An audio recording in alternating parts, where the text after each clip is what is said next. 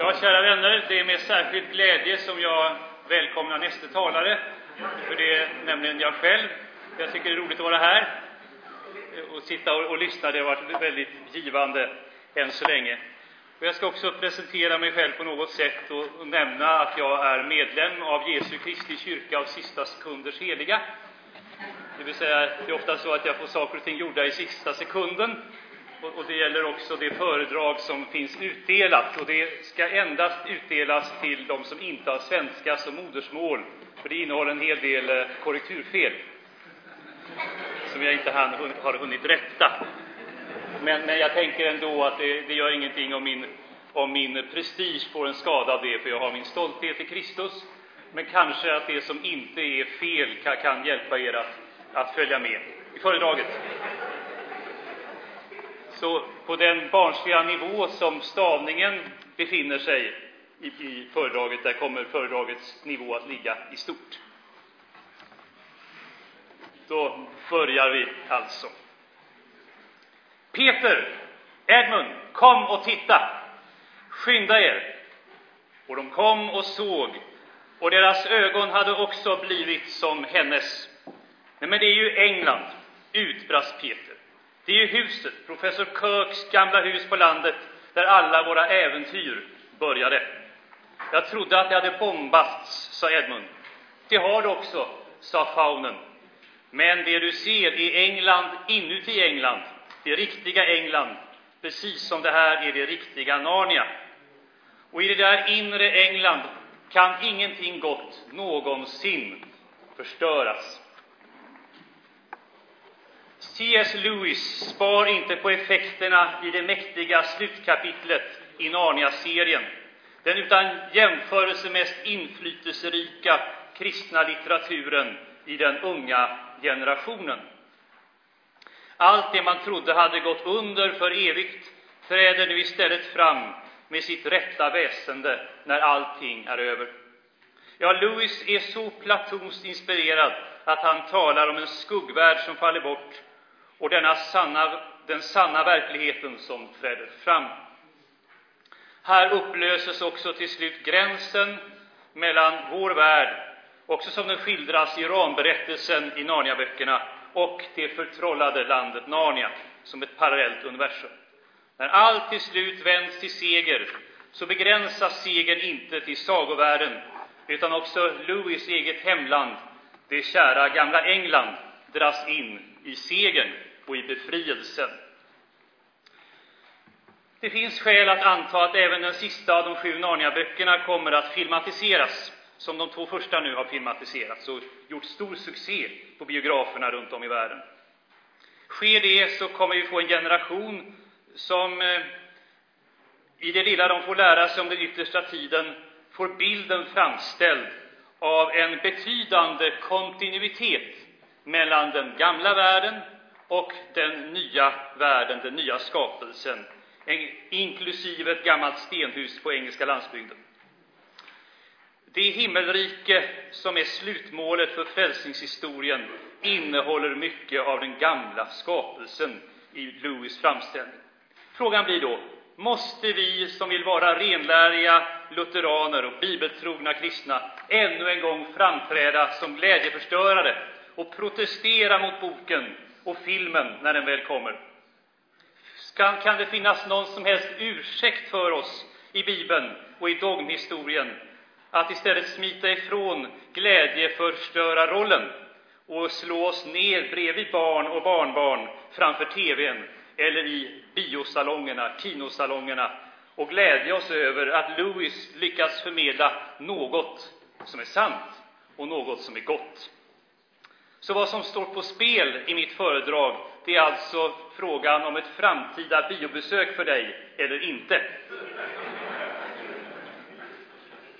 Om vi för en gångs skull ska kunna göra det lätt för våra barn och barnbarn att hantera ett stycke nutidskultur genom att helt enkelt uppmuntra dem och säga det här som ni tycker är så bra och så spännande, det rymmer också ett stycke sanning.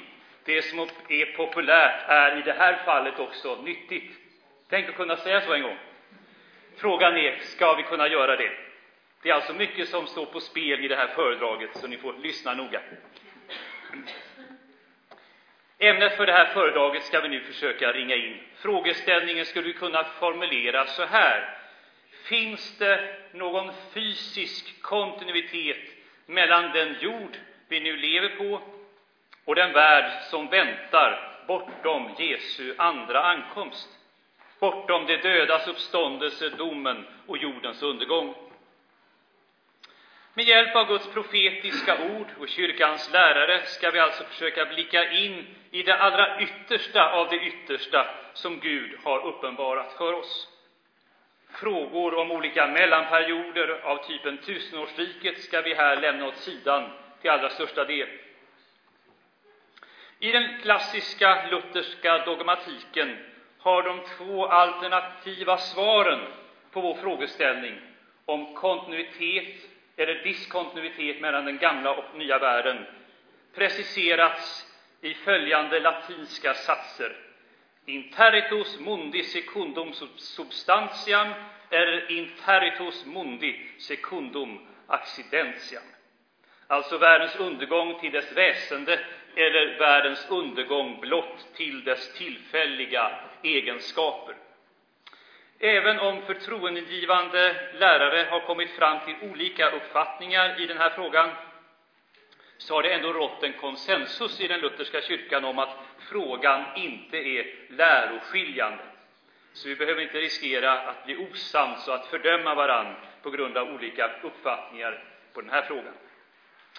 Så formulerar sig till exempel Johan Gerhardt så här. Uppfattningen angående världens substantiella förstöring eller undergång förfäktar vi inte som en trosartikel som skulle vara absolut nödvändig för saligheten att känna till och tro, utan vi säger att den är mer konform med de uttryckliga skriftutsagor som talar om världens ände. Med tanke på denna öppenhet kommer jag inte helt motstå spekulationens frestelse och i några fall fundera över vilka utombibliska, vilka ideologiska eller personliga bevekelsegrunder som kan ligga bakom den ställning man till slut väljer att inta i den här frågan, vilken preferens man har när man väljer kontinuitet eller diskontinuitet. Och det kommer jag göra inte utifrån att jag tillmäter Guds ord någon svaghet, däremot tillmäter jag människor, inklusive mig själv, mycket svaghet. Jag har däremot inga ambitioner att ändra på förhållandet att det finns en öppenhet inför hur man tolkar det bibliska materialet här. Jag hoppas bara kunna aktualisera frågan för er och ge något material för er egen fortsatta reflektion och era egna ställningstaganden. Så till saken. Det lokus som bildar kärnan för oss här är Andra Petrusbrevets tredje kapitel, tionde till trettonde verserna. Och jag läser där. Men Herrens dag kommer som en tjuv, och då skall himlarna försvinna under våldsam dån och himlakroppar upplösas av hetta och jorden och det verk som är på den inte mer finnas till. Då nu allt detta går mot sin upplösning, hur heligt och gudfruktigt ska ni då inte leva?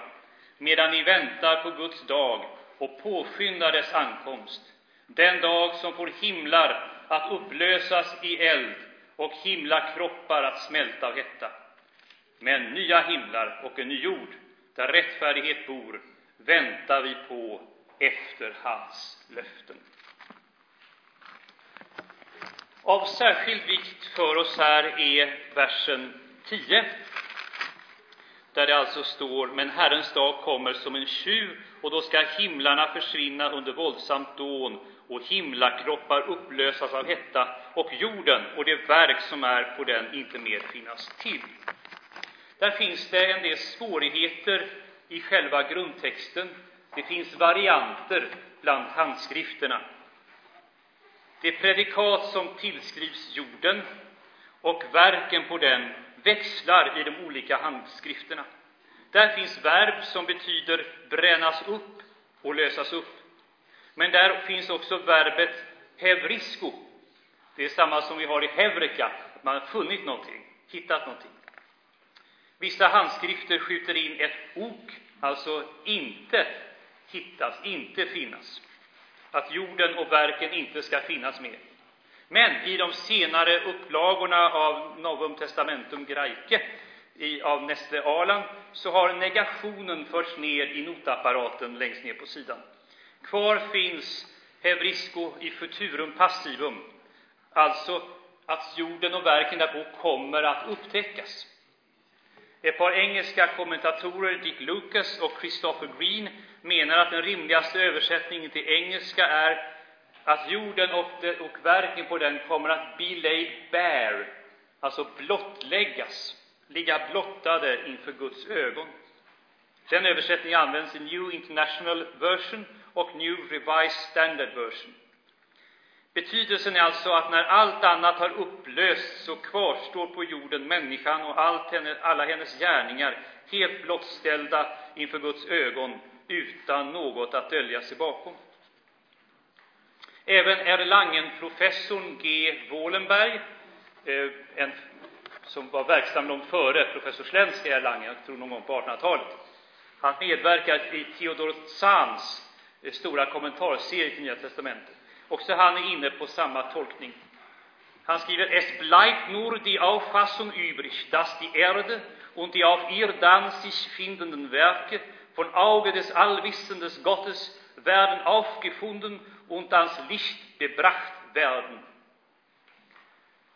För tolkningen att jorden och alla verk på den verkligen ska brännas upp eller försvinna ges åtskilligt stöd av andra, bland andra av Starke, Schlatter och i Sverige Fjellstedt och Gertz i deras kommentar till Nya testamentet.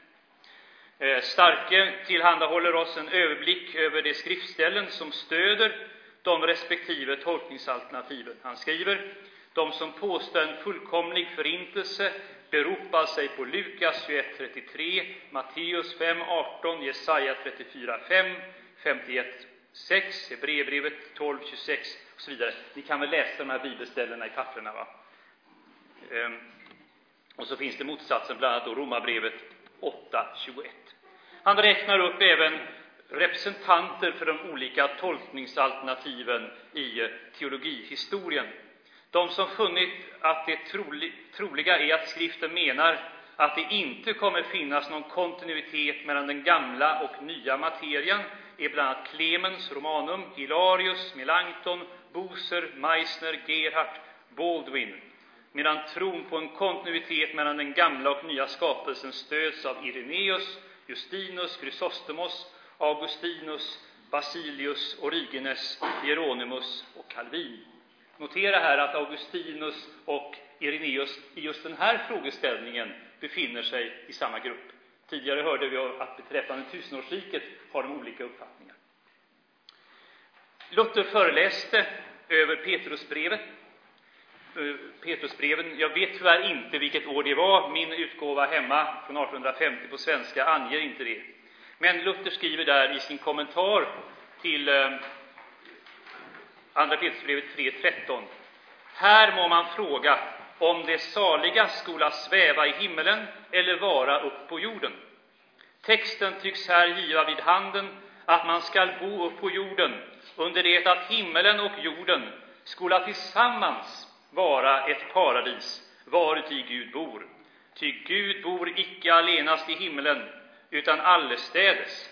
Därför skola och de utvalda vara där han är. Slutcitat. Här måste vi dock ha klart för oss att Luther egentligen inte kommenterar frågan om kontinuitet eller diskontinuitet mellan den gamla och nya skapelsen, utan en fråga som ligger snubblande nära. Nämligen frågan, kommer Guds barn, och här har jag skrivit fel, ser ni det, att det står Luthers barn, men det står, jag har blandat ihop Gud och Luther och det är inte riktigt bra. Det verkar lite fanatiskt. Men det är alltså Guds barn. Luthers formulering tar upp frågan, kommer Guds barn att få tillbringa den saliga evigheten på jorden? Den nya jorden i ett paradis där gränsen mellan himmel och jord är helt öppen, eller kommer det att ske, så att säga, i, en andlig himmelsk värld? En sådan förväntan om salighet på jorden eh, gör ju förstås frågan om kontinuitet mellan himmel och jord intressantare. Men vi ska ha klart för oss att den kan ju också bygga på att Gud återskapar den nya jorden i likhet med den gamla jorden. Så det kan finnas likhet mellan den nya jorden och den gamla, men däremellan en total undergång och sedan en återskapelse med en kontinuitet i strukturen. Luther kommer i andra sammanhang in mer precis på det som är här vårt intresseområde, frågan om kontinuitet mellan den gamla och nya världen. Men då får vi lämna Luthers föreläsningssal för att istället höra honom tala från predikstolen. I en predikan från söndagen kantate, fjärde söndagen efter påsk, talar Luther om livets dyrbara gåva och säger, citat, nu på tyska, Den Schatz sollen wir über alle Mass und ohne aufhören in ihm haben.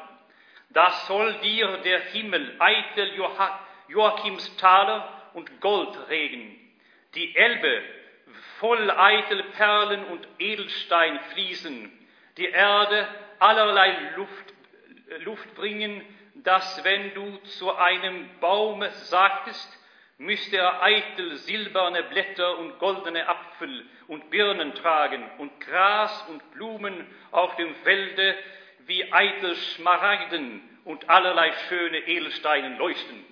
Summa, woran dein Herz wird Lust und Freud suchen, das soll reichlich da sein, denn es heißt, Gott soll selbst alles in allen sein. Wo aber Gott ist, da müssen alle Güter mit, mit sein, so man immer wünschen kann. Behöver jag översätta det till något? Ni hänger med där ungefär. Alltså hur Elbe ska flyta av idel pärlor i, i, i den, eh, när Herren har kommit tillbaka på den nya jorden. Hur, hur det ska regna, om man så vill, eh, silverdaler ifrån himlen, hur det ska flöda av smaragder och edelsten. och man säger till ett träd att det ska bära frukt, så kommer det bära guldfrukter och silverlöv och allt gott som man önskar sig. Alltså en oerhört eh, konkret och naivistisk framställning av evigheten. Kunde vi som Luthers lärjungar idag återerövra från honom färgen och doftstyrkan i Luthers språk, tydligheten i hans bilder, så skulle vi snart kunna ta upp konkurrensen med Jehovas vittnen om arbetarklassens själar och tömma rikets salar. Nu menar jag inte Guds rikes salar, utan ni vet Jehovas vittnes ja. Givetvis ska vi vara försiktiga med att göra systematisk teologi av ett stycke predikan hos Luther. Men så mycket torde stå klart att Luther förväntar sig att det ska finnas så mycket kontinuitet från den gamla jorden i den nya att man ska kunna känna igen floden Elbe. Jag vet inte om det är en huvudsak i vår längtan, just floden Elbe, men, men som ett exempel. Hade Luther varit lite mer berest hade han säkert också sagt någonting om Norges fjordar, det tror jag. En teolog som emellertid vidgar blicken när det gäller den eviga salighetens geografi från Elbe och ytterligare förstärker tanken på en betydande kontinuitet är Philip Nikolai. Hans kristendomsuppfattning blev föremål för en doktorsavhandling i Lund 1937.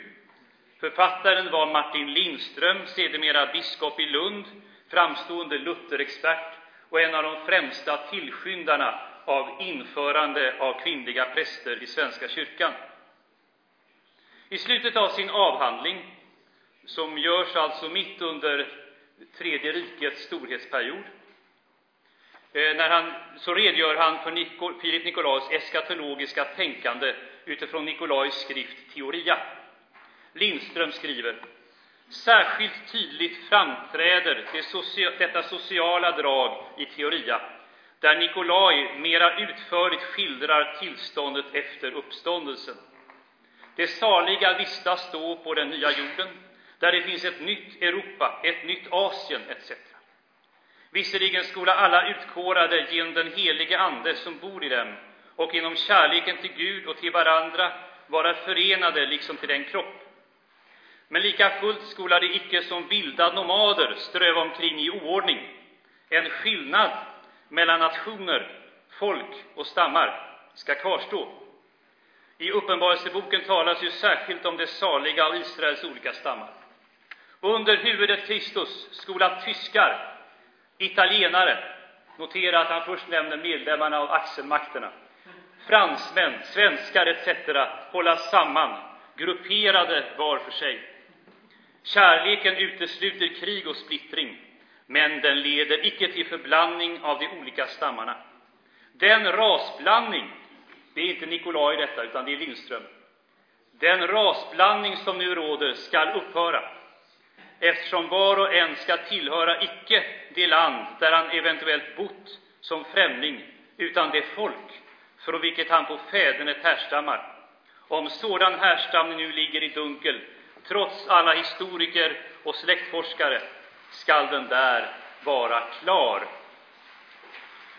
Utan att ha haft eh, möjlighet att direkt eh, ha tillgång till den källa som Lindström hänvisar till, så är mitt intryck att Lindström ändå till någon del projicerar sin tids och möjligen hans egna tankar på Filip Nikolajs. Jag har mycket svårt att tro att Nikolaj på 1600-talet reflekterade över frågan om rasblandning. På 1930-talet hade den frågan en rätt stor betydelse i Sverige. Och från Sverige hade intresset som bekant smittat av sig till kontinenten.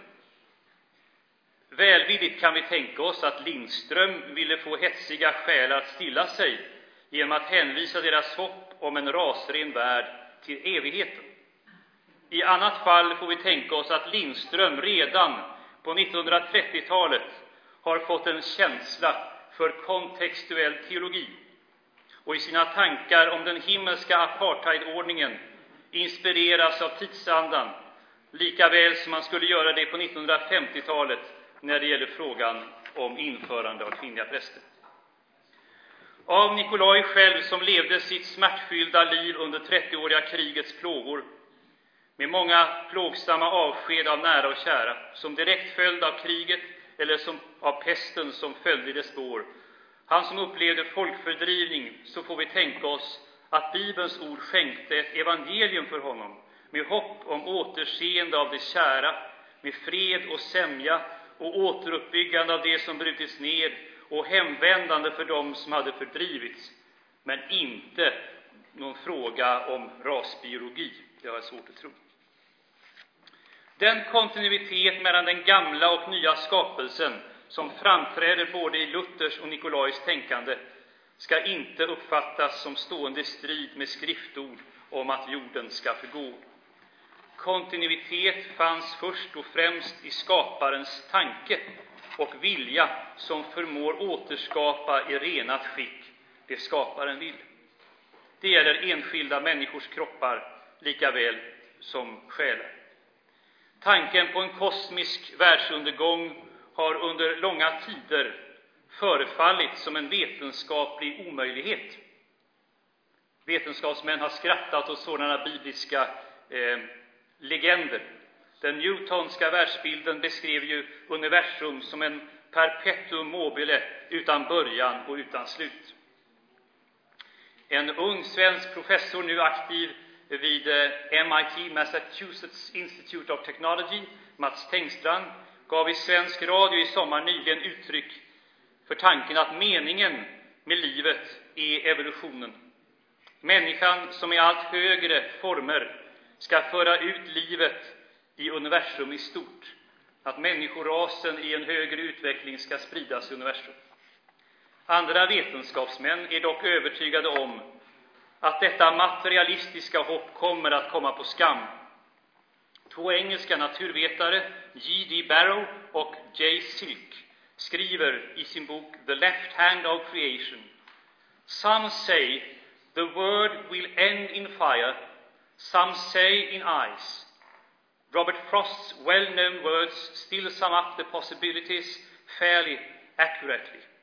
Whereas the beginning appears to have been regular and quiescent, quiescent to a high degree. The final state will be chaotic and violent. All galaxies, stars, and atoms will dissolve into nuclei and radiation. Then the nuclei will be dismembered into protons and neutrons. They, in turn, will be squeezed un- until the quarks confined within them are liberated into a huge cosmic, cosmic soup of freely interacting quarks and leptons. Denna vetenskapliga konkretion kan hjälpa oss att se hur mycket mer realistisk den bibliska apokalyptiken har blivit i vår tid. Den utgör också för oss ett levande stycke lag med en förkrossande kraft som krossar varje fåfängligt hopp hos människor om vår framtid, också det evolutionistiska hoppet. För Luther var det inte endast viktigt att betona kontinuiteten mellan den gamla och den nya skapelsen, utan också diskontinuiteten, nämligen för att omöjliggöra varje utopisk kristendomstolkning. I sin Lutherbiografi Luther, Man between, between God and the Devil, Lutherman zwischen eh, Gott und der Teufel, framhåller Heiko Obermann hur centralt det var för Luther att bekämpa varje yttring av kristen utopism, som han betraktade som orsak till en falsk, demonisk teokrati, vare sig den styrdes av påvens falska anspråk eller försocialistiska drömmar hos upproriska bönder och riddare. Oberman menar att man faktiskt kan beskriva Luthers kamp mot avlat och andra missbruk inte som en reformation, utan som en motreformation. Den medeltida kyrkans reformation hade ju bestått i att införa bland annat avlatshandel för att kunna förstärka gudsstaten och främja dess mål att nå världsherravälde. Frågan om tusenårsriket kommer att behandlas på annat ställ, andra föredrag här, men jag vill ändå med anknytning till mitt ämne framhålla att Luthers kraftiga avståndstagande från millennianismen hänger nära samman med en mycket central tanke hos Luther. Som han ser kyrkan här i världen inte som en herre, utan som en tjänare. Och därför värjer han sig mot varje tanke på någon inomhistorisk utveckling som skulle leda fram till vad som kan kallas en kosmisk sionism. Overman skriver The modern Zionists of Luther's time were the bishops and popes who placed their trust in temporal power in order to establish a papal state. Even more serious, the Roman Curia claimed to be Zion, the unshakable foundation of God's kingdom on, on earth. From Luther's perspective, Zionist Reformation meant the subjugation of all nations and empires under the domination of Rome, a claim the papacy indeed adhered to until well into the 16th century. Menade då Luther att Gud inte använde sin kyrka för att stå emot det onda och ge mänskligheten hopp och liv? Jo visst, men inte genom maktens medel, utan genom nådens medel. Och det har jag faktiskt formulerat själv, och det är det bästa jag säger i hela föreläsningen. Så jag ber att få upprepa den här meningen. Alltså, kyrkan ska stå emot det onda och ge mänsklighetens hopp, mänskligheten hopp, inte genom maktens medel, utan genom nådens medel. Obermann sammanfattar Luthers syn så här när det gäller kyrka och makt. It is of lasting significance that Luther's rejection of all historical utopias did, did not entail an abandoning the church and the word to chaos. Christians are threatened but not helpless, under attack but not defenseless. Where the gospel is preached, Satan's destructive assaults can be survived. Where Christian teaching, where Christian teachings tear the authorities from the clutches of the Antichrist, the word can once again come into its own.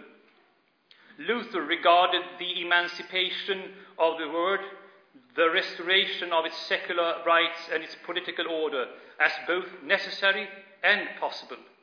But for this dimension, he used the sober, secular, practical, temporal, and above all, relative term betterment, Verbesserung, rather than the glorious Reformation.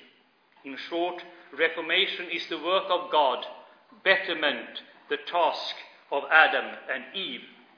Jag återger det på svenska. Alltså Luther är mycket skeptisk mot varje tendens att kyrkan med inomjordiska maktmedel ska bidra till någon slags mm, reformation av samhället, av mänskligheten. Den reformationen kallar Luther istället en förbättring, som en relativ term, mer än det mer absoluta reformatio. Och den uppgiften är så att säga inte en uppgift för kyrkan eller för det gudomliga i första hand, utan för människan, mänskligheten i stort, människor av god vilja. Med denna bakgrundsteckning från Obermann har jag velat påvisa att det för Luther är av vikt att betona också en diskontinuitet mellan den gamla och nya världen. Varje tanke på någon slags evolution från skapelsens rike till härlighetens rike vet Luther och vet vi alla, vi som har 1900-talets historia levande i minnet, leder inte till paradiset utan till dess motsats, till ett helvete på jorden. Ett av de främsta teologiska arbetarna i Norden när det gäller eskatologi är förstås Erling Utnems innehållsrika och imponerande verk Visst skall jorden bli ny. Där utvecklar han bland annat tanken på tusenårsriket på ett mycket nyanserat sätt och med ett rikt bibliskt material, men utan för att, att för den skull, tycker jag, kunna sudda ut alla frågetecken. Jag delar inte hans svårigheter med att se hur löftena om ett tusenårigt rike, där nådens källor flödar och världens folk samlas i det andliga Jerusalem, förverkligas nu i Kristi kyrka. Jag känner inte samma behov som han tycks ha känt att se kyrkans, eller i hans teologi snarare kristenhetens yttre makt och härlighet och den enskilde kristnes moraliska kvalitet, för att kunna tro att löftena går i uppfyllelse. Men när Utnem i sitt verk når fram till den yttersta tidens yttersta, till den eviga saligheten och dess geografi, då uppfattar jag honom både som helt bibliskt och helt konform med Luther. Vi citerar från Utnem att skapelse och förlossning hör ihop på det sättet att paradistillståndet kommer tillbaka framgår också av att Johannes skildrar det nya Jerusalem med bilder från paradiset. Slutcitat. Utnem betonar i hög grad kontinuiteten mellan den gamla och nya skapelsen och talar om skapelsens förnyelse snarare än om undergång och nyskapelse.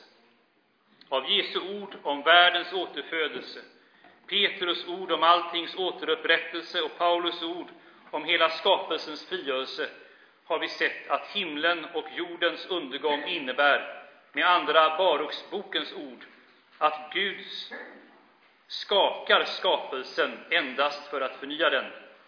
Under den nya himlen skall den nya jorden stiga fram. Gudsrikets fulländning på den nya naturgrundvalen sker genom att det nya Jerusalem, som är bruden, Guds folk, kommer ner från himlen och flyttar in i det nya skapelseverket. Vi har antytt, säger uttnen vidare, att hela universum tycks öppna sig för oss. Kristus förenar himmel och jord i den nya skapelsen. Rummets och tidens gränser sprängs. Livet i Guds enorma skapelseverk når en ofattbar utveckling och blomstring. Vad inget öga sett och inget öra hört och vad ingen människa har anat, det som Gud har berett åt dem som älskar honom.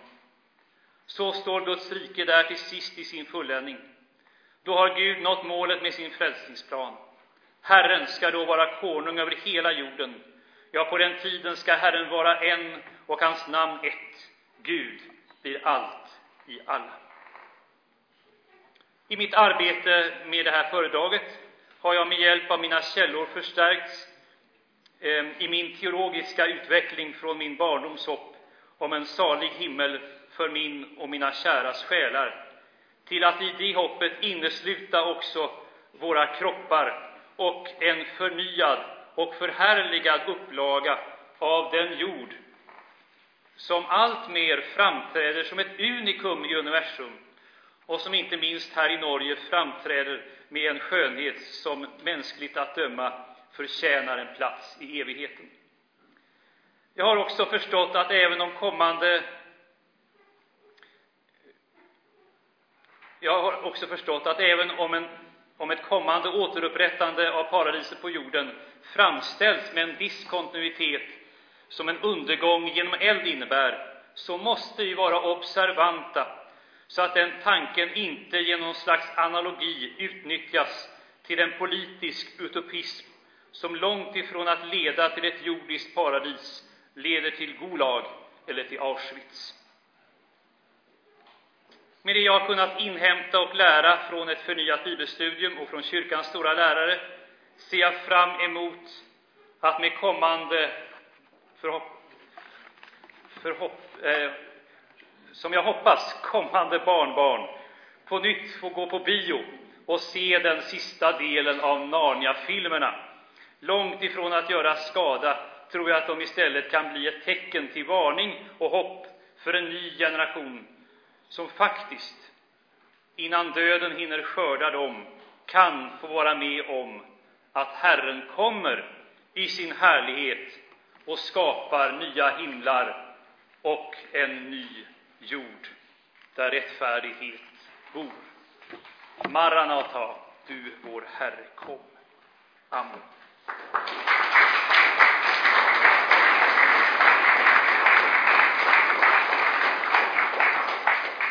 så har jag fått önskemål om att vi tillsammans skulle sjunga sången 874. 874 i dessa sångböcker. Så ni som kan melodin får klämma i där.